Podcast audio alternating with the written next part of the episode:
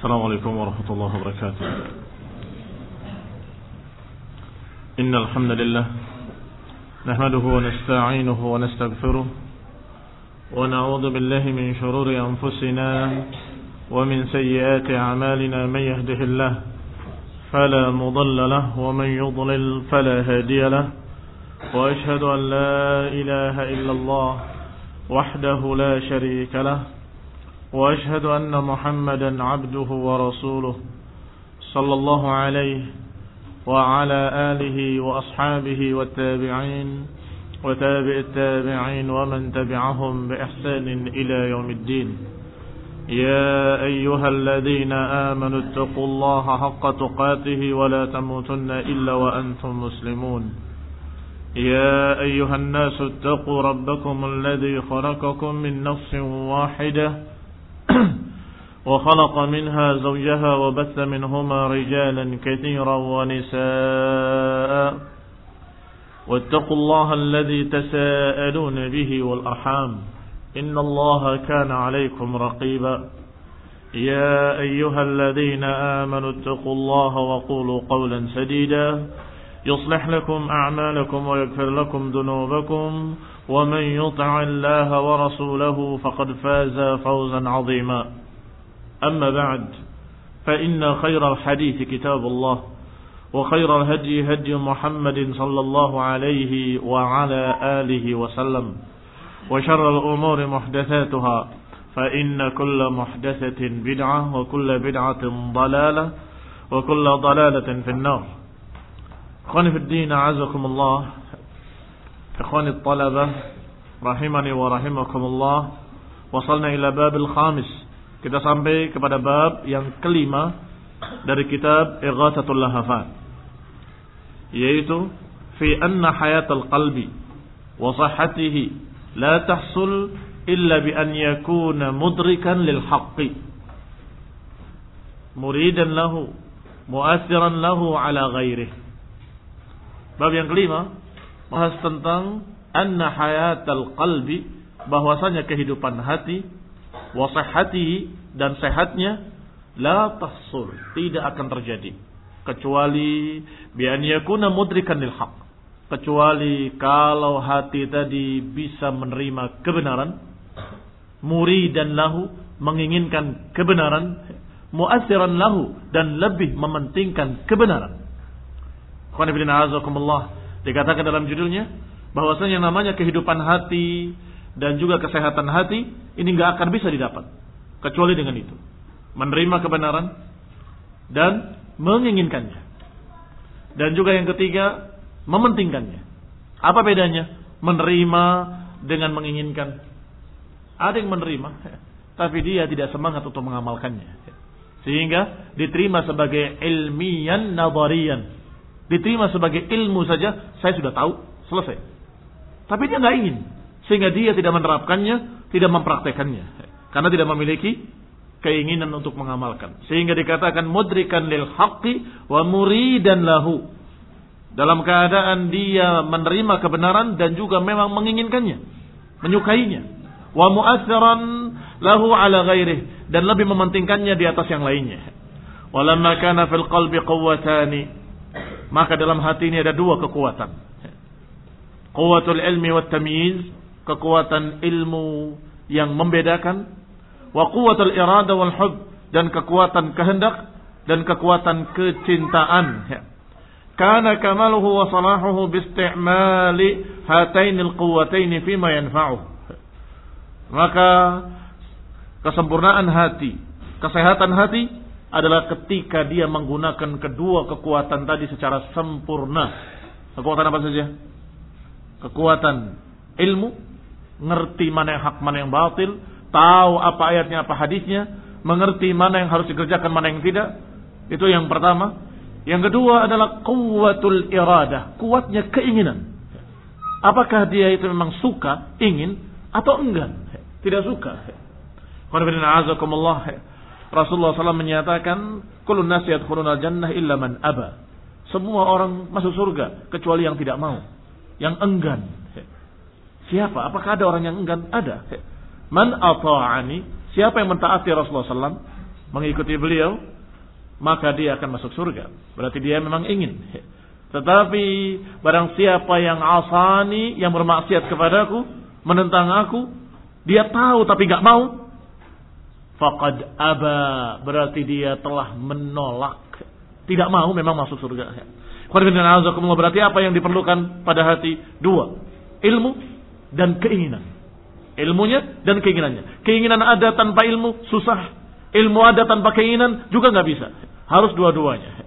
Karena kamaluhu wa salahuhu biistimali hatainil quwataini fima yanfa'uh. Maka dengan menggunakan kedua kekuatan tadi, maka akan mendapatkan kebaikannya. Kamaluhu wa salahuhu.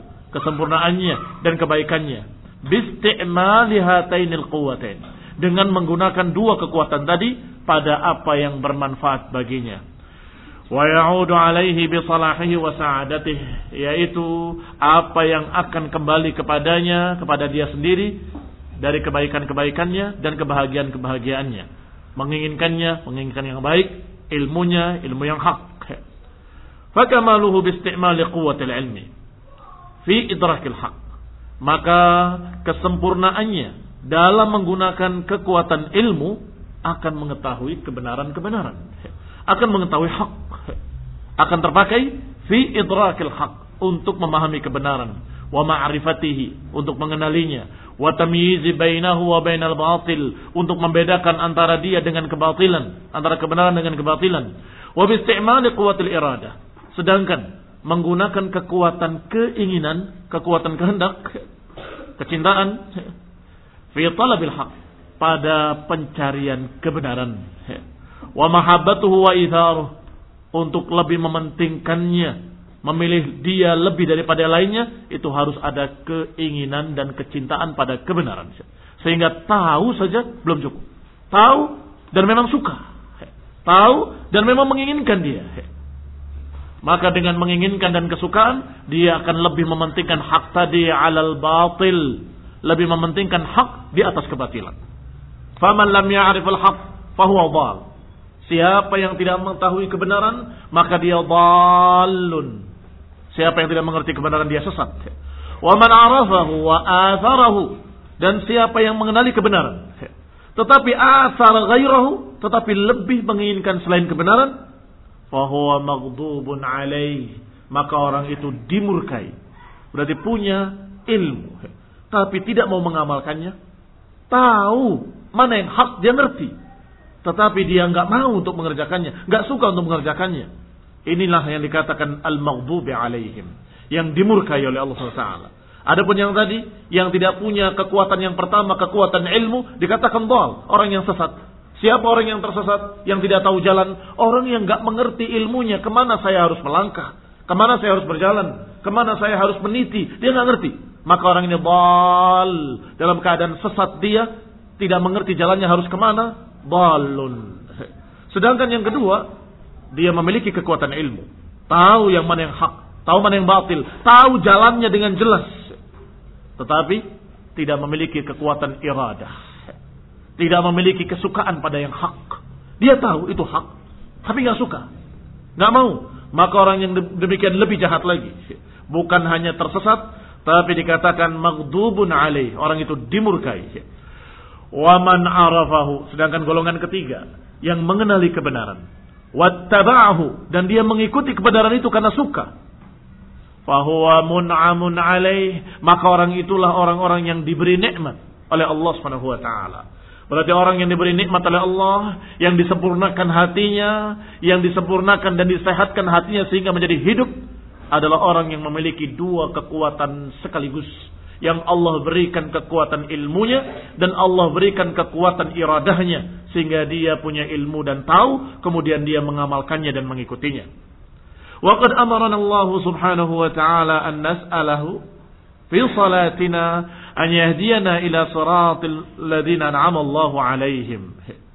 Dan kita diperintahkan oleh Allah untuk kita meminta kepadanya, nas'aluhu untuk meminta kepadanya fi salatina dalam salat kita untuk agar Allah Subhanahu wa taala memberikan hidayah kepada kita. Setiap salat diajarkan oleh Allah untuk mengucapkan Al-Fatihah. Alhamdulillah rabbil alamin. Ar-Rahmanir Rahim. Maliki yaumiddin. إياك نعبد وإياك نستعين اهدنا الصراط المستقيم diajarkan untuk meminta ihdina tunjukilah kami as-siratal mustaqim jalan engkau yang lurus ya Allah Siratal ladina an'amta alaihim. Yaitu jalan orang-orang yang engkau beri nikmat ya Allah. Berarti yang diminta adalah jalan yang mana? Jalan golongan pertama? Jalan golongan kedua? Atau jalan golongan ketiga? Hah? Golongan yang ketiga tadi. Ibnu sudah mencontohkan tiga golongan. Golongan pertama, dia tidak mengerti kekuatan ilmu sehingga sesat. Yang kedua, punya kekuatan ilmu, tapi dia tidak memiliki kekuatan keinginan sehingga dia tidak mengikuti apa yang diketahuinya, maka maghdub alaih dimurkai oleh Allah. Maka golongan ketiga adalah orang yang punya kekuatan ilmu dan punya keinginan sehingga ilmu yang dia ketahui dia praktekkan, dia kerjakan dan dia telusuri jalan yang dia sudah mengetahuinya. Maka yang kita minta pada Allah yang mana? Yang ketiga. Yaitu jalan alladzina an'amta alaihim. Ya Allah tunjuki kami ke jalan orang-orang yang engkau beri nikmat mereka ghairil maghdubi alaihim bukan jalannya orang-orang yang dimurkai yang sudah tahu ilmunya mengerti tapi tetap tidak mau untuk mengikutinya jangan ya Allah. Jangan menjadi seperti mereka. Jangan jadikan kami seperti mereka ya Rabb. Waladhalin dan jangan pula dijadikan seperti orang-orang yang balin ini jangan pula kita ditunjuki ke jalan yang sesat jalannya orang-orang yang tidak punya ilmu. Walihada kana nasara akhassu bid-dhalal. Oleh karena itulah orang-orang Nasrani lebih khusus pada sifat kesesatan. Liannahum ummat jahlin. Karena Nasrani adalah umat yang bodoh. Umat yang tidak memiliki ilmu. Sehingga mereka memutuskan dengan kebodohannya dan menyimpulkan dengan kebodohannya bahwa Allah Subhanahu wa taala memiliki anak. Sungguh besar sekali ucapan yang terkeluar dari mulut mereka. Kaburat kalimatan takhruju min afwahihim iyaquluna illa kadiba. Sehingga mereka sering disebut dalam Al-Quran sebagai kelompok yang bal. Orang-orang yang dalu wa adallu. Yang sesat dan menyesatkan. Wal Yahud akhassu bil ghadab. Sedangkan Yahud lebih khusus dengan sifat kemurkaan. yakni golongan yang dimurkai. Kenapa dikatakan akhos dengan akhos? Kenapa dikatakannya lebih khusus, lebih khusus? Karena kalau secara umum, kedua-duanya punya. Sesat dari satu sisi, diburkai dari sisi lain. Yahud, ada kebodohannya, ada sisi kebodohannya, ada sisi kekurang ajarannya. Sudah tahu dia ciri-ciri kerasulan, ciri-ciri kenabian, sudah tahu. Ya'rifunahu kama ya'rifuna abna'ahum. Mereka mengenalinya seperti mengenali anak-anak mereka sendiri. Yahud. Tahu namanya siapa, turunan mana, seperti apa, ciri-cirinya, tahu semua mereka. Tetapi ketika Nabi datang dengan ciri-ciri yang persis sama dengan yang mereka ketahui dalam kitab-kitab mereka. Apakah mereka beriman kepada Rasul? Kepada Nabi kita Nabi Muhammad sallallahu alaihi wasallam? Tidak. Berarti mereka sudah tahu, tapi mereka dalam keadaan menentang yakni orang-orang yang jahadu biha wastaiqanatha anfusuhum zulman wa uluwa. Yaitu orang-orang yang menentang jahadu juhud menentang kebenaran wastaiqanatha anfusuhum. Dalam keadaan hati-hati mereka yakin istaiqanatha anfusuhum. Jiwa-jiwa mereka yakin ini benar. Ini sisi penentangannya. Tetapi dalam keadaan dia sudah tahu mereka sudah tahu tentang itu adalah nabi itu adalah Rasul. Berarti mereka ala ilmin atau ala jahlin? Yahud. Ala ilmin. Mereka memiliki ilmu tentang Rasul. Tapi mereka menentangnya. Maka mereka akhassu bisifatil ghadab. Mereka lebih khusus disifati dengan kebodohan, disifati dengan kemurkaan dari Allah SWT. Al-maghdubi alaihim. Liannahum ummat inad. Karena mereka golongan penentang Inad artinya juhud. Menentang dalam keadaan tahu. Itu inad. Orang yang menyimpang dalam keadaan bodoh adalah bal. Orang yang menyimpang dalam keadaan tahu adalah maghdub alaihim. Nasrani berbeda dengan Yahudi. Mereka inginnya baik. maunya membela Isa alaihissalam. Kata mereka Isa adalah anak yang suci. Demikian pula mereka membela ibunya Nabi Isa alaihissalam, yaitu Maryam binti Imran. Kata mereka Maryam adalah allati ahsanat farjaha. Perawan suci kata mereka. Mereka memujinya, mereka memujanya, mereka sampai mensucikannya. Tetapi ketika mereka ditanya oleh Yahud tentang Isa, mereka bingung menjawabnya. Karena umat ya jahlin. Umat jahlin. Umat bodoh mereka. Sehingga ketika ditanya oleh Yahud, kalau memang Isa itu adalah anak yang suci, siapa bapaknya? Mana bapaknya? Lahir tanpa bapak berarti anak zina, kata Yahud. Yahud bukan tidak tahu. Yahud memang orang yang jelek, orang yang penentang, dan orang yang benci kebenaran. Walaupun dia tahu, dia tetap menjadikan alasan itu untuk menjelekkan orang-orang Nasrani. Kalau memang dia anak yang suci bukan anak zina, siapa bapaknya? Nasrani maunya membela Nabi Isa, membela Maryam bin Imran, menyatakan kalau anak yang suci, lahir dari wanita yang juga suci, maka kalau begitu bapaknya adalah yang maha suci, kata mereka. Bodoh mereka. Jahil. Bal. Mereka sesat karena menyimpulkan sendiri dengan otak bodoh mereka. Inginnya membela Isa dan Maryam, tapi mereka mencerca Allah subhanahu wa ta'ala. Inginnya membela Nabi, tapi mencerca yang mengutus Nabi. Itu kebodohan yang sangat, tidak ada kebodohan yang lebih daripada ini. Ini kebodohan yang sangat bodoh, kebodohan di atas kebodohan. Padahal sungguh mudah sekali menjawab pertanyaan Yahud. Allah mengajarkan dalam Quran tentang masalah Isa. Inna matala Isa indallahi kamathali Adam. Khalaqahu min turabin thumma qala lahu kun fayakun. Kata Allah, permisalan Isa sama dengan permisalan Nabi Adam. Penciptaan Isa sama seperti penciptaan Nabi Adam. Allah ciptakan dari tanah, kemudian Allah katakan padanya, jadilah, maka jadilah dia. Apa susahnya bagi Allah? Kenapa harus nyari bapak? Tanyakan pada mereka wahai Yahud. Wahai Yahud tanyakan pada dirimu sendiri. Siapa bapaknya Adam dan siapa ibunya Adam? Yahud kenal Adam. Walaupun mereka menyebutnya Eva, apa Adam dan Eva, mereka tahu kalau itu adalah Adam dan Hawa. Taib, kalau kalian juga beriman, kalian juga tahu itu adalah manusia pertama, nabi pertama. Taib. Siapa bapaknya, siapa ibunya? Mereka akan menjawab, itu kan diciptakan langsung oleh Allah. Allah ciptakan tanpa bapak, tanpa ibu. Maka kita jawab dengan jawaban yang sama. Kalau Allah maha kuasa untuk menciptakan manusia tanpa bapak, tanpa ibu. Kenapa nggak bisa menciptakan manusia dengan satu ibu tanpa bapak? Mudah sekali bagi Allah. Allah menciptakan manusia tanpa bapak, tanpa ibu. Allah maha kuasa. Allah menciptakan manusia dengan ibu tanpa bapak juga Allah Maha Kuasa. Allah menciptakan manusia dengan ibu dan bapaknya, juga Allah Maha Kuasa. Lebih mudah, lebih mudah, lebih mudah. Kalau tanpa bapak tanpa ibu bagi Allah mudah, apalagi yang lebih mudah dari itu. Apalagi yang tanpa bapak saja, tapi ada ibunya. Maka Nasrani kufur.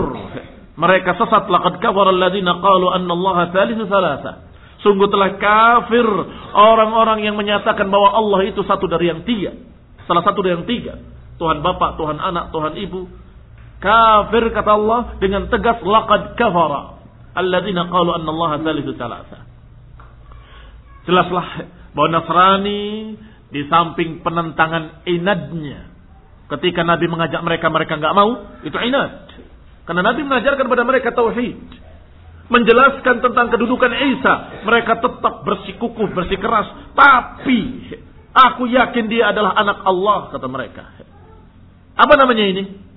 Inad, juhud, atau dal? Inad. Berarti sisi inadnya ada, tapi ahassu. Mereka lebih khas, lebih terkenal dengan masalah kebodohannya karena kekufuran pertamanya disebabkan kebodohan. Sedangkan Yahud Kesesatannya disebabkan karena mereka menentang ilmu yang telah mereka ketahui. Maka kita berdoa pada Allah taala. Ya Allah, tunjuki kami ke jalan yang lurus, yaitu jalannya orang-orang yang kau beri nikmat mereka, yaitu orang-orang yang dalam keadaan memiliki ilmu dan mengikuti ilmu. Jangan jadikan kami seperti orang-orang yang sesat. Orang-orang yang dan orang-orang yang dimurkai. Jangan jadikan kami seperti orang-orang yang dimurkai, yang sudah tahu kebenaran, tapi menentang kebenaran. Jangan pula dijadikan seperti mereka-mereka yang tidak tahu kebenaran sehingga tersesat. Ghairil maghdubi alaihim waladdallin. Kemudian dikatakan oleh Ibnu Qayyim rahimahullah, "Walihadza qala Sufyan ibn Uyainah." Oleh karena itulah Sufyan ibn Uyainah menyatakan, "Man fasada min ubadina fafihi syabahun minan nasara wa man fasada min ulama'ina fafihi syabahun minal yahud kata Sufyan ibn Uyainah rahimahullah orang-orang yang rusak yang sesat dari kalangan para ahli ibadah kita maka mereka mirip dengan Nasrani sedangkan orang-orang yang rusak dari kalangan orang-orang berilmu kita maka fihi syabahun mereka mirip dengan Yahudi. Ya, ini orang-orang yang mengaku muslimin. Ahli ibadah lagi Masya Allah. Sangat rajin ibadahnya. Abid, sajid, sawam, qawam. Ahli puasa, ahli ibadah, ahli salah. Tetapi akidahnya sesat, kufur. Miripnya dengan siapa? Yahudi atau Nasrani? Nah, sangat miripnya dengan Nasrani. Nasrani juga begitu. Jangan heran kalau mereka bisa menangis di gereja-gerejanya. Menangis sungguh-sungguh keluar air mata bukan dusta. Karena mereka masih merasa yakin itu benar. Mereka masih merasa yakin apa yang mereka jalan itu benar sehingga mereka menangis meraung-raung, meratap seperti yang pernah saya dengar di Sorong sana. Ini ada apa tengah malam? Jam 3 malam. Ada orang yang meratap-ratap menjerit-jerit. Nangis-nangis. Ketika kita paginya kita tanyakan ternyata tidak jauh dari situ ada gereja. Yang mereka beribadah, menangis, meratap. Kalau para pendusta seperti Yahud nggak perlu nangis mereka dan mereka nggak akan nangis karena mereka merasa saya ini nggak benar kok saya tahu yang hak itu, tapi saya nggak mau. Saya tahu saya di atas batil, tapi dia mau apa? Ini Yahud. Tapi Nasrani bil akhas lebih terkenal dengan kebodohan mereka. Kebanyakan mereka sesat dalam keadaan bodoh. Dalam keadaan tidak ngerti mereka. Sehingga mereka bisa menangis, meratap dan seterusnya. Dikira mereka dalam keadaan khusyuk. Dikira mereka dalam keadaan ibadah yang akan diterima oleh Allah. Oleh Tuhan Allah kata mereka. Padahal tidak demi Allah. Mereka justru dikatakan oleh Allah kafir. Laqad kafar alladziina qalu annallaha salisu salasa. Bahkan ucapan mereka tidak kecil, ucapan yang menggemparkan, yang menggoncangkan. Khonibin a'azakumullah, takadu samawati yatafattarna minhu, wa tanshaqqul ardu, wa takhirul jibalu hadda, an da'u lirrahmani walada. Hampir-hampir langit pecah, hampir bumi terbelah, Hampir-hampir gunung-gunung itu runtuh ketika mereka menyatakan bahwa Allah memiliki anak. Ar-Rahman memiliki anak. Subhanallah ma yaqulun. Ini menunjukkan betapa besarnya. Langit hampir pecah. Bumi hampir terbelah. Gunung hampir runtuh ketika orang Nasrani mengatakan Allah punya anak. Tapi mereka yang mengucapkan merasa sedang mengatakan pujian pada Tuhan. Puji Tuhan. Astagfirullahaladzim. Kamu bukan sedang memuji Tuhan. Kamu sudah mencerca Tuhan. Kamu sedang mengejek Allah dengan kalimat bahwa Allah memiliki anak. Ini kebodohan kan? Orang sedang mencerca, merasanya puji Tuhan, puji Tuhan. Padahal bukan memuji sama sekali. Itu mencerca Allah. Allah katakan langit hampir pecah, bumi hampir terbelah, gunung hampir runtuh. Kok mereka malah mengatakan bahwa ini pujian katanya. Yang namanya pujian itu subhanallah, maha suci Allah. Alhamdulillah, segala puji bagi Allah. Allahu Akbar, Allah Maha Besar. Itu baru pujian. Tetapi kalau kalimat-kalimat seperti itu yang mengatakan bahwa Allah memiliki anak, justru kalimat kufur yang membuat murka Allah Subhanahu wa taala. berarti jelaslah bahwa Nasara adalah orang-orang ummat jahlin, orang-orang yang merupakan orang-orang bodoh yang dikatakan sesatnya dengan kebodohan. Ikhwan ibn. Dikatakan oleh Sufyan bin Umayyah demikian karena lianna nasara abadu bighairi ilm. Kenapa dikatakan bahwa orang-orang kita ahli ibadah kita yang sesat miripnya dengan Nasrani. Merasa sedang beribadah, merasa sedang berzikir 70 ribu kali, merasa berzikir dengan sekian juta kali. Tapi bukan cara Nabi. Bahkan mereka meyakini Allah menyatu dengan dirinya. Kufur. Mengatakan bahwa Allah ada di dalam hatinya menyatu dengan tubuhnya. Maka dia dengan bangga mengatakan, Anak Allah. Sama. Nasrani mengatakan Isa jelmaan Allah, sedangkan orang ini yang mengaku muslim mengatakan bahwa saya Allah. Kenapa? Allah menyatu dengan saya. Ruh Allah telah masuk pada diriku. Apa bedanya? Sama, bahkan lebih parah. Kalau ini dikatakan nabinya yang mendapatkan roh dari Allah, menyatu dengan Allah, sedangkan ini dirinya mengaku-ngaku bahwa Allah menyatu dengan dirinya, ruhnya masuk ke dalam dirinya. Maka orang-orang sesat dari kalangan ahli ibadah kita sama dengan Nasara. Sedangkan orang-orang yang merupakan orang yang berilmu dari kalangan muslimin, ternyata sesat juga. Punya ilmu, hafal Quran, hafal hadis, alim ulama, tapi secara ilmu. Ternyata secara pengamalan bal, sesat. Secara pengamalan dia menyimpang, maka miripnya dengan Yahudi. Yahudi tahu ayatnya, tapi ditahrif. Yuharrifunal kalimah an mawadhi'ih. Tahu ilmunya, tapi disembunyikan. Yaktumunal ilma wa hum ya'lamun. Tahu ilmu, tapi dikorting oleh mereka. Diganti, dikurangi. Na'udzubillah. Adakah dari kalangan muslimin yang punya ilmu tapi memutarbalikan ilmu? Ada. Yang menyeret-nyeretnya ke sana kemari yang menambahnya, menguranginya, menggantinya, mentakwilnya. Yuharrifun al-kaliman mawadhi'i atau yaktumun al-ilma wa hum ya'lamun, menutup ilmu dalam keadaan mereka sudah tahu, sudah tahu ayatnya, sudah tahu hadisnya, tapi ditanya, "Oh, enggak ada itu." Enggak ada. Lupa Ustaz enggak ada. Enggak ada itu mana? Dalam Quran enggak ada, dalam hadis enggak ada. Padahal dia sudah pernah membaca ayatnya. Padahal dia sudah membaca hadisnya. Padahal dia sudah membaca tafsirnya. Kenapa bilang enggak ada? hanya karena mengikuti hawa nafsunya. Kalau saya bilang ada, niscaya mereka akan menyalahkan saya. Karena saya sendiri masih melanggar kok. Karena saya sendiri masih berbuat dosa. Begitu kata mereka. Maka mirip dengan Yahud. Lianna nasara abadu bighairi ilmin. Orang-orang Nasrani beribadah tanpa ilmu. Sedangkan Yahud araful haq. Wa adalu anhu.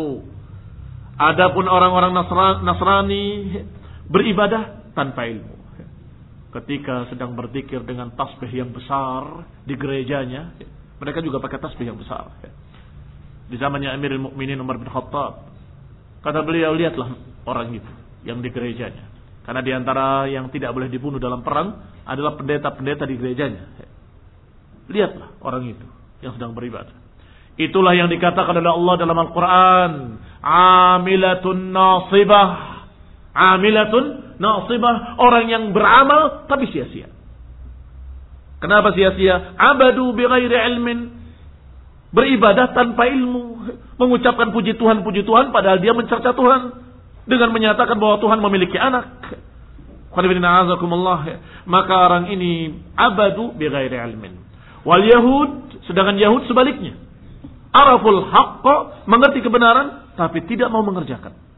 Adalu anhu berpaling daripadanya.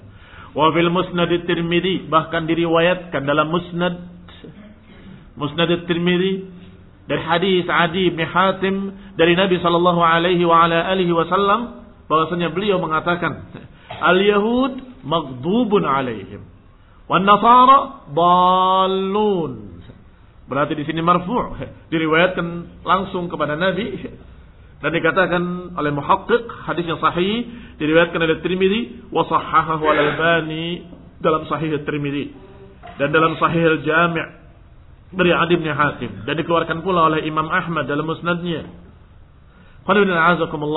Apa dikatakan oleh Rasulullah SAW? Al-Yahud maghdubun alaihim. Orang-orang Yahudi adalah orang-orang yang dimurkai. Orang-orang Nasrani adalah orang-orang yang sesat. Sudah Allah contohkan. Golongan yang dimurkai ini. Sudah Allah contohkan golongan yang sesat ini. Maka kalian wahai kaum muslimin ikuti jalan yang lurus. Jangan ikuti jalan Yahudi, jangan ikuti jalan Nasrani. Ikuti jalan ilmu wal iradah. Ikuti jalan ilmu dan keinginan. Ilmu dan memang ingin untuk mengerjakannya. Jangan ikuti jalan Yahud. Punya ilmu tapi nggak mau. Jangan ikuti jalan Nasrani. Mau tapi nggak punya ilmu. Kedua-duanya kita berlindung dari kepada Allah taala dari mereka. Ya Allah, jangan tunjuki kami ke jalan-jalan mereka. Tunjuki kami jalan yang lurus, jalan yang orang-orang yang Engkau beri nikmat. Qala rahimahullah, berkata Al-Mu'alif rahimahullah, "Wa qad jama'a Allah Subhanahu wa taala baina hadainil aslain." Dan Allah telah mengumpulkan dua prinsip dasar tadi. Fi ghairi mawdi'in min kitabih Dua prinsip dasar ini Allah sebutkan dalam banyak ayatnya dalam kitabnya. Di antaranya ucapan Allah Subhanahu wa taala, "Wa idza salaka 'ibadi 'anni fa inni qarib, ujibu da'wata da'i idza da'an, falyastajibu li wal yu'minu bi la'allahum yarshudun."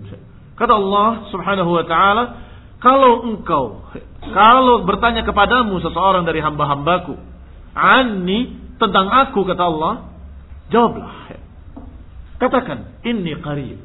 Katakan aku dekat.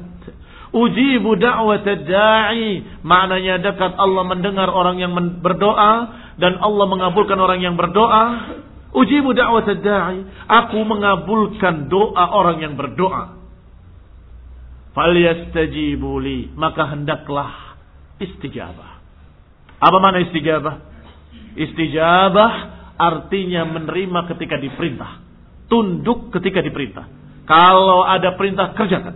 Kalau ada larangan tinggalkan apa yang dilarangnya. Kalau ada berita percayalah. Ini namanya istijabah. Falyastajibu li maka kata Allah, hendaklah mereka beristijabah, menyambut perintah-perintahku, menyambut hukum-hukumku, menerima keputusan-keputusanku. Wal yu'minu bi dan beriman kepadaku, la'allahum yarsudun. Kata Allah, dan juga hendaklah mereka beriman kepadaku sehingga mereka akan mendapatkan bimbingan ke jalan yang lurus. Diberitakan kabar gembira bahwa Allah Maha mendengar. Barang siapa yang bertanya tentang aku kata Allah, katakan kalau aku dekat. Allah dekat, Allah mendengar orang yang berdoa dan Allah mengabulkan orang yang berdoa. Ini kabar gembira. Tetapi harus ada timbal baliknya, konsekuensinya. Kalau kalian mau dikabulkan doanya oleh Allah, falyastajibu li wal yu'minu bi kata Allah. Hendaklah mereka istijabah kepadaku dan hendaklah mereka beriman kepadaku. Diperintahkan dua perkara, istijabah wal iman. Ini sama dengan dua prinsip dasar yang sedang kita bahas. Apa prinsip dasar yang kita bahas? Kuatul ilmi wa kuatul amal. Kekuatan ilmu dan kekuatan penerapannya. Di sini juga sama. Kekuatan ilmunya iman. Ada ayat harus percaya. Ada hadis dari Rasul harus percaya. Ada hukum, ada perintah, ada larangan, ada berita dari Quran, semuanya harus percaya. Hendaklah percaya padaku kata Allah. Sehingga dia terima semua apa yang Allah katakan. Dan falyastajibu hendaklah beristijabah Ya, ini menerapkan apa yang diperintahkannya. Kalau kamu tahu ini ucapan Allah, saya percaya Quran ini ucapan Allah, ini baru iman. Saya percaya, saya beriman bahwa ini ucapan Allah.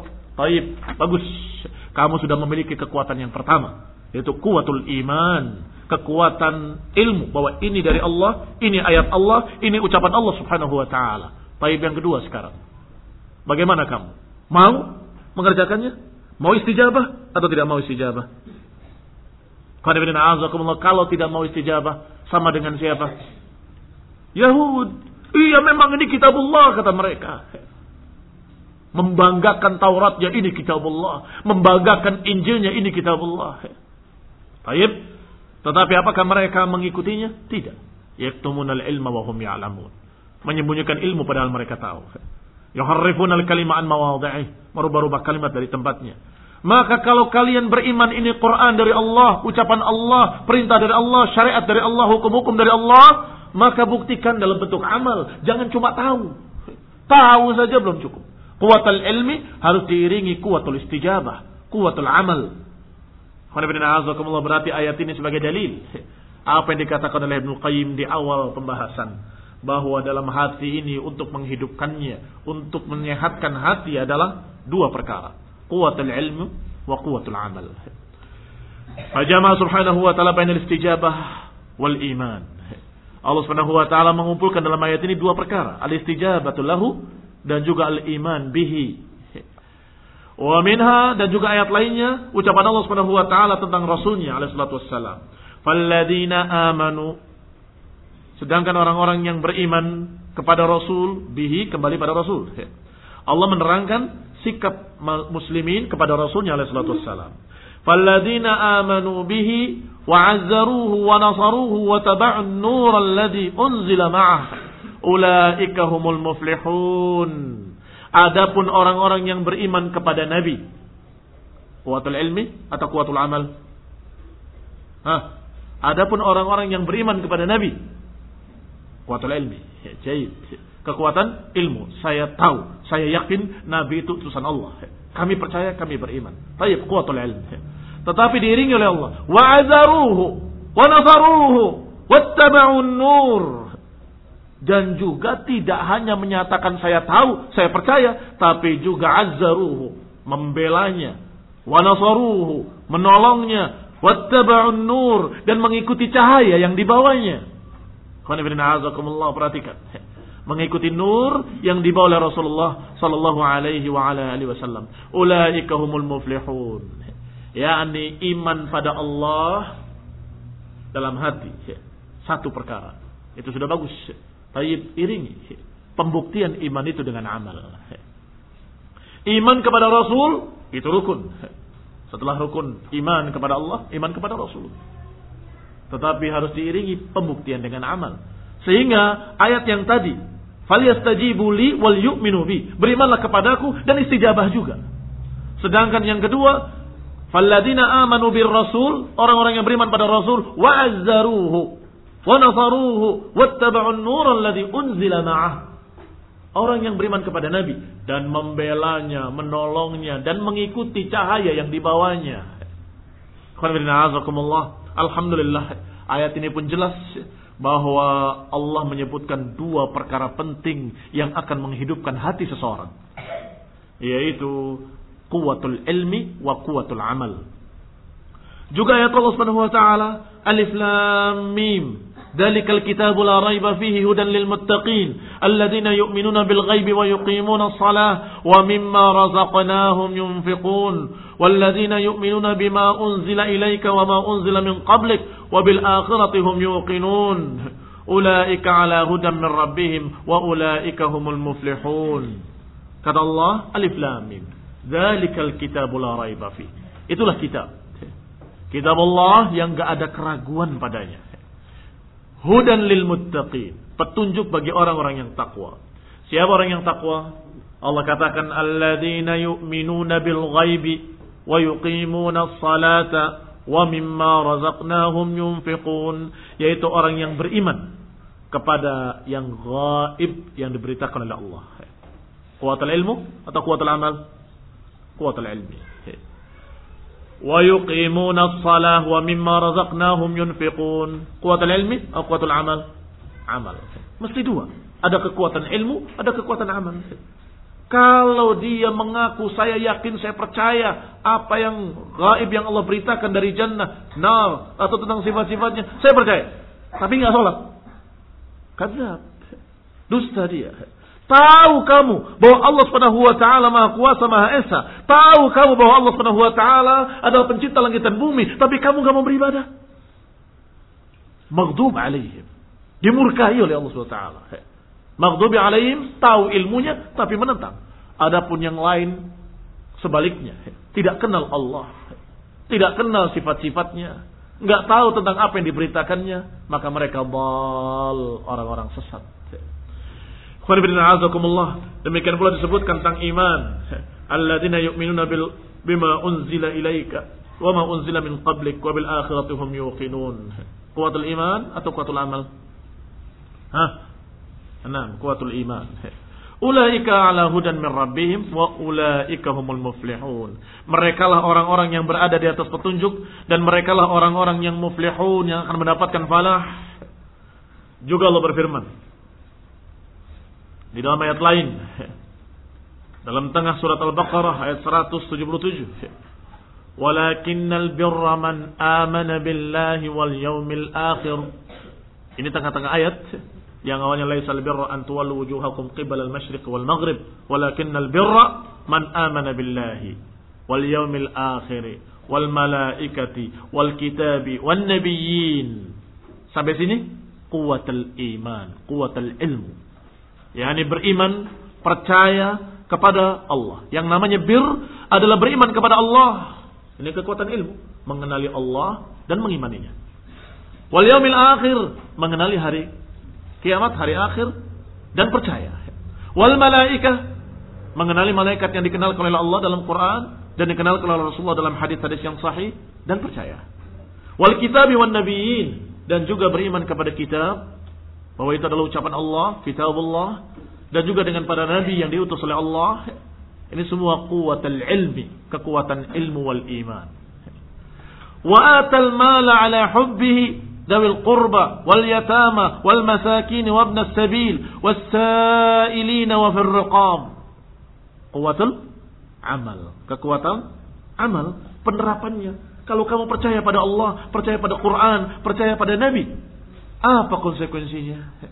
Konsekuensinya tentunya engkau mengeluarkan hartamu di jalan Allah. Dengan sukarela dengan kesukaan hati bukan dengan berat. Untuk kerabat dekat, untuk anak yatim, untuk orang miskin, untuk orang yang dalam perjalanan kehabisan bekal, untuk orang yang meminta-minta, ataupun orang-orang yang dalam keadaan ditawan, dalam keadaan dia sebagai budak, bantulah dia untuk membebaskan dirinya. Wa aqamas salah, wa ataz zakah, mendirikan salat, mengeluarkan zakat, wal mufuna bi'adihim idza ahadu, orang-orang yang menepati janji ketika mereka berjanji. Wasabirina fil ba'sa dan juga sabar dalam menghadapi berbagai macam kesulitan-kesulitan, wadharra kerugian-kerugian, wahina lebas ketika musibah-musibah, sabar ketika menghadapi berbagai macam kesulitan. Ulaika alladziina sadaqu. Mereka lah orang-orang yang jujur imannya. Wa ulaika humul muflihun dan mereka lah orang-orang yang akan mendapatkan falah. Kembali lagi disebut oleh Allah dua. Satu atau sekian sebagai contoh kekuatan iman, iman pada Allah, iman pada Rasul, iman pada hari akhir, kuatul ilmi wal iman. Dan dicontohkan pula kekuatan amal dan terapkanlah dalam perbuatan-perbuatan seperti sedekah, memberikan nafkah, memberikan zakat, mendirikan salat, jujur, menepati janji, sabar. Ini semua kekuatan amal. Demikian pula Allah Subhanahu wa taala menyatakan dalam ayat dalam surat Al-Asr. Wal 'asri innal insana lafi khusr illa alladhina amanu wa 'amilus salihati wa tawassaw bil haqqi wa tawassaw bis sabr. Kata Allah, "Wal 'asr." Allah Subhanahu wa taala berhak untuk bersumpah dengan nama apa pun sedangkan manusia diperintahkan untuk bersumpah dengan nama Allah dan dilarang untuk bersumpah dengan nama selainnya maka ikhwan Allah Allah menyatakan wal asr demi masa atau demi waktu asr. Innal insana lafi khusr. Sesungguhnya manusia semuanya dalam keadaan rugi. Illa. Kecuali. Jadi secara umum mereka akan rugi.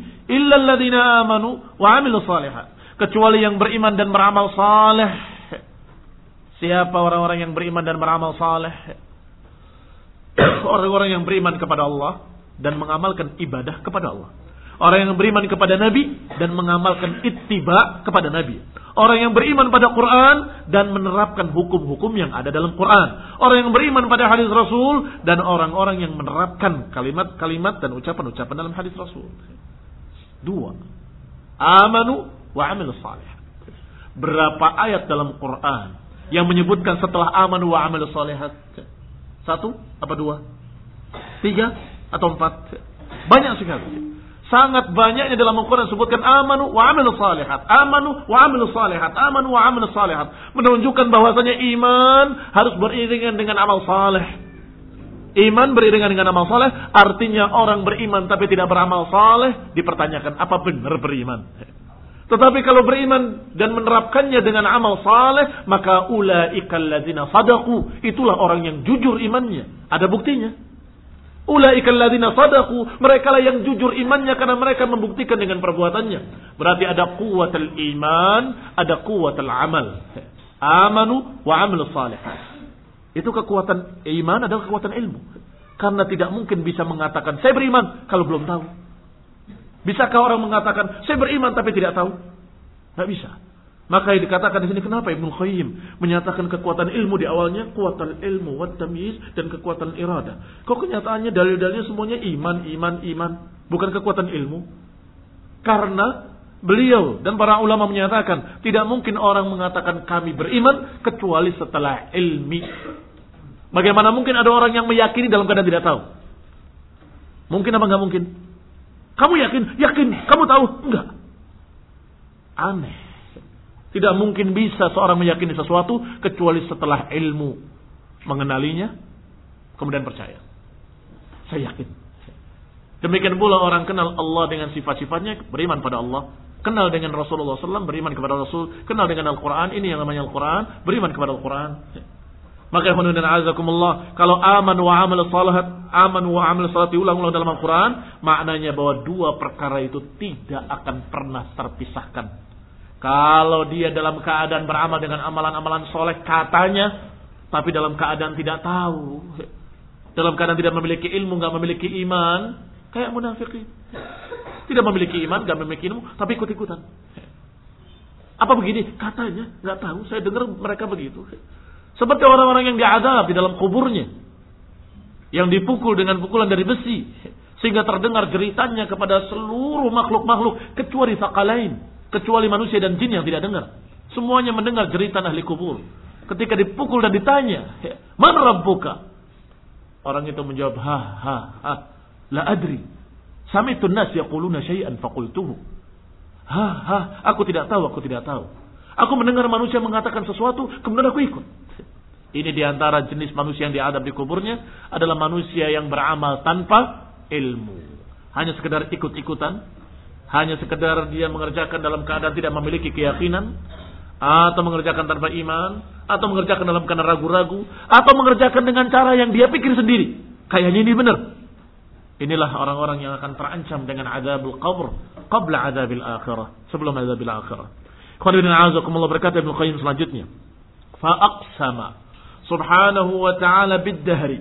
Maka dalam ayat surat Al-Asr ini Allah bersumpah dengan masa. Alladhi huwa zamanul a'malir rabiha wal khasirah.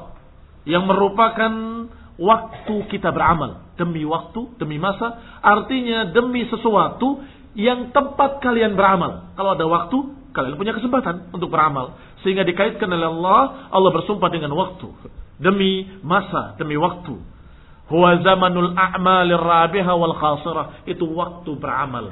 Apakah amalannya menguntungkan atau amalannya merugikan? Apakah amalannya akan membawa ke surga atau amalannya membawa ke neraka? Waktunya satu. Kalau kamu pakai ke sana, kamu nggak dapat yang ke sini. Kalau pakai ke sini nggak nggak dapat ke sana. Waktunya tidak bisa bertambah, tidak bisa berkurang. Idza jaa ajaluha la yastaqiruna sa'atan wa la yastaqdimun. Kalau datang ajal dari Allah, nggak akan bisa dimajukan, nggak akan bisa dimundurkan. Sudah pasti tidak berubah. Itu ajal. Kematian seseorang. Maka kesempatan kamu terbatas. Pada waktu yang sudah Allah tentukan. Maka silahkan pakai untuk apa yang kalian mau. Famubiqat famu'tiquha amubiquha. Silahkan pilih. Mau menyelamatkan dirinya atau membinasakan dirinya. Kalau mengisinya dengan amalan-amalan yang saleh, menyelamatkan diri dari adab Allah. Kalau mengisinya dengan amalan-amalan paleh, amalan yang jelek, maksiat, kufur, bid'ah, maka justru dia mencelakakan dirinya dengan amalannya sendiri. Kullu nafsin bima kasabat rahina. Setiap jiwa mempertaruhkan dirinya sendiri. Mempertaruhkan dirinya sendiri ketika beramal di dunia ini. Setiap kamu berjalan, beramal, berbicara, mengucapkan, mengamalkan, mengerjakan sesuatu, semuanya mempertaruhkan dirinya. Apakah dia akan menyelamatkan dirinya nanti yaumul qiyamah atau dia mencelakakan dirinya yaumul qiyamah? Maka Allah bersumpah dengan waktu ini. Waktu yang terbatas ini, waktu kalian. Ala anna kulla wahidin fi khusr. Bahwa seluruh kalian, kata Allah, akan merugi. Illa man kamula quwwatul ilmiyah bil imani billah wa quwwatuhul amaliyah bil amal bita'atihi. Kecuali orang-orang yang tidak rugi hanyalah orang-orang yang sempurna kekuatan ilmunya dengan iman kepada Allah SWT dan kekuatan amaliyahnya dan sempurna pula kekuatan amalnya dengan amal bitaatihi. Ini makna amal saleh. Apa maknanya amal saleh? Amalan yang saleh adalah amalan yang sesuai dengan perintah Allah, sesuai dengan perintah Rasul. Yani amal bitaatihi wa hadza fa hadza kamaluhu fi nafsihi maka itulah kekuatan pada dirinya. Harus ada kekuatan ilmu wal iman dan kekuatan amal bi taatillah. Itu kekuatan jiwa seseorang, kekuatan hati seseorang. Thumma kammala ghairahu biwasiyatihi lahu bidzalik. Tetapi Allah perintahkan lagi dengan perintah berikut. Untuk menyempurnakan secara kemasyarakatan, secara umat, secara kemasyarakatan. Aman wa amil salihat masing-masing pribadi, masing-masing individu. Tapi bagaimana memperbaiki masyarakat secara umum? Hidupkan tawasi bil haq wa tawasi bis sabr. Maka Allah katakan wa tawasau bil haqqi wa tawasau bis sabri. azakumullah sempurnanya ucapan Allah Subhanahu wa taala. Sangat lengkap, sangat luas maknanya. Hendaklah kalian menyempurnakan diri-diri kalian masing-masing dengan dua kekuatan, kekuatan ilmu dan amal saleh. Dan kemudian sempurnakanlah di tengah-tengah masyarakat kalian keadaan masyarakat muslimin dengan dihidupkan di tengah-tengahnya at-tawasi bil haqqi wa tawasi bis sabr. Kata Allah, wa tawasau bil haqqi wa tawasau bis sabr. Qul bin azakumullah kammala ghairahu biwasiyatihi. Menyempurnakan orang lain dengan nasihat menasehati. Wa amarahu iyyahu bihi wa bimalaki dzalika. Dengan apa? Saling nasihat menasehatinya dengan kebenaran al-haq. Dan juga dengan apa-apa yang bakal memilikinya. Apa-apa yang menyebabkan kamu bisa memiliki kebenaran apa itu? As-sabr. As-sabru. Wa huwa as-sabr. Ketika dikatakan tentang masalah bagaimana untuk bisa mengerjakan ini semua? As-sabr. Sabar. Bagaimana supaya aku bisa bisa mengerjakan ketaatan? Sabar. Bagaimana supaya aku bisa menerapkan sunnah-sunnah? Sabar. Kenapa kok sabar? Jawabannya dari para ulama karena setiap orang mengerjakan satu ibadah setiap orang mengerjakan satu sunnah atau mengerjakan satu ketaatan pasti di sana ada sesuatu godaan Pasti di sana ada sesuatu yang merupakan tantangan di hadapannya. Itu mesti. Apakah dari luar atau dari dalam? Dari luar dari bisikan-bisikan syaitan. Apakah bisikan syaitan yang langsung pada dirinya, di benaknya. Atau bisikan syaitan dari mulut-mulut manusia. Atau dari dalam sendiri. Dari hawa nafsunya. Capek, lelah, bosan, ini, itu alasan-alasan yang sifatnya hawa nafsu. Maka untuk menghadapi godaan-godaan tadi adalah as-sabru. Sabar. Hadapi. Tapi katanya nanti begini. Sabar.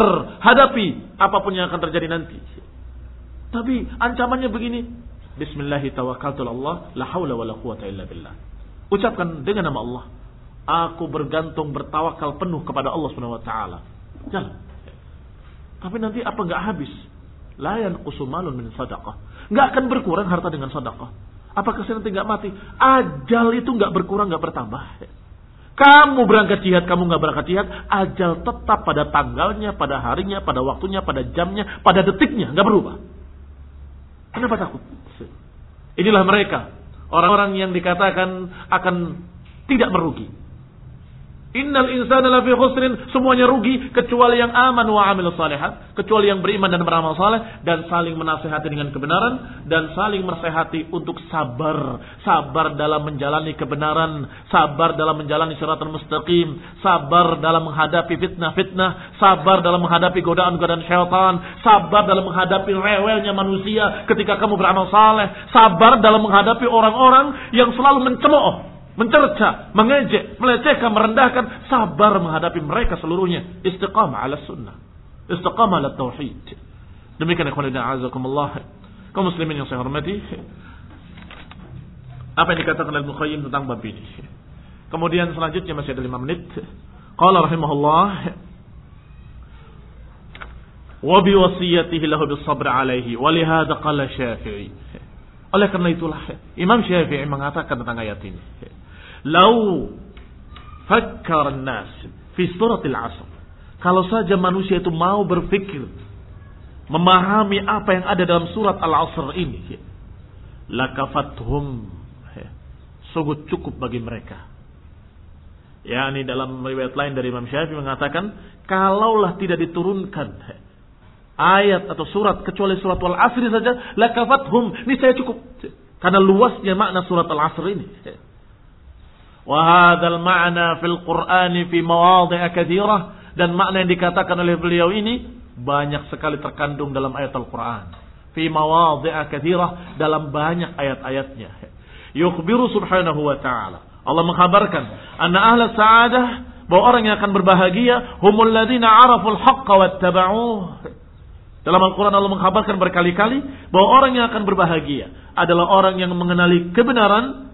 Kemudian mengikutinya. Wa ana ahla syaqawah sedangkan orang yang akan sengsara humul ladina jahilul haqqa wa dhallu anhu. Sedangkan orang-orang yang sengsara yang akan celaka dan binasa adalah orang-orang yang bodoh, tidak mengerti hak dan juga mereka tidak mau mengamalkan, menyimpang daripadanya.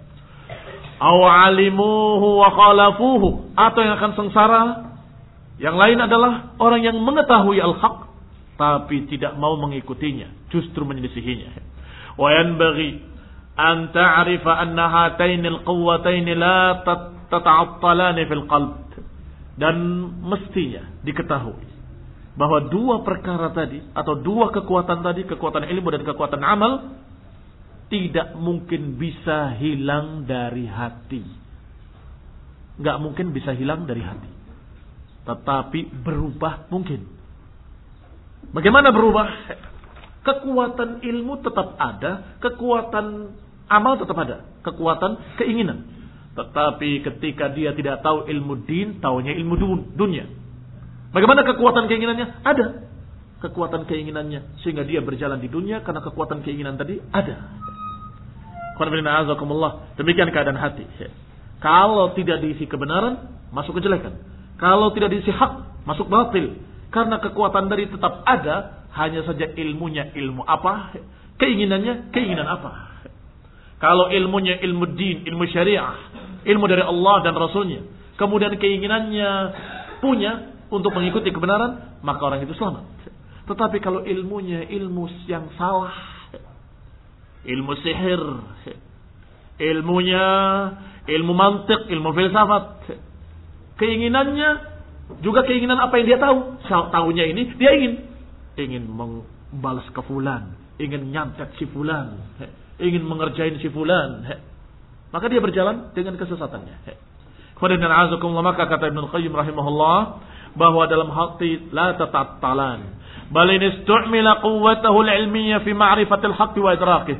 Maka kalau digunakan kekuatan ilmu tadi untuk memahami kebenaran Wa illa kalau tidak istamalaha fi ma'rifati ma yaliqu bihi wa yunasibuhu minal batil. Kalau tidak dipakai kekuatan ilmunya untuk mencari kebenaran, maka otomatis akan berpikir, akan mempelajari sesuatu yang lain. Yang dia cocok, yang dia ingin. Belajar ilmu nggak suka. Otomatis dia akan berpikir yang lain, iya kan? Yang namanya hati kan begitu. Yang namanya berpikir dalam hati. Amlahum qulubun yafqahuna biha. Apakah mereka tidak punya hati untuk berpikir dengannya? Yani ketika dia berpikir mempelajari agama, alhamdulillah. Apa yang kita bahas tadi didapatkan. Amanu wa amilu salihat. Tapi ketika dia tidak memakai kekuatan ilmunya untuk ilmu agama, otomatis nggak akan kosong. Pasti ada kekuatan ilmu itu. Sehingga tidak nganggur. Kekuatan ilmu itu pasti akan bekerja. Kamu berpikir lain. Pengen mempelajari ini apa maksudnya ya? Pasti itu ada. Manusia dari jenis apa pun melihat sesuatu pasti berpikir, ini apa ya? Ini maksudnya itu apa ya? Ini kenapa demikian? Ini kenapa demikian? Akan terus mempelajari apa yang di sekitarnya. Maka dia akan mempelajari sesuatu yang yunasibuhu huwa minal batil. Akan mempelajari yang batil yang dia cocok. Karena agama dia tinggalkan maka dia kekuatan ilmunya akan mempelajari sesuatu yang lain yang selain hak. Wa in istu'mila quwwatahu al-iradiyah ala maliyah fil amali bihi.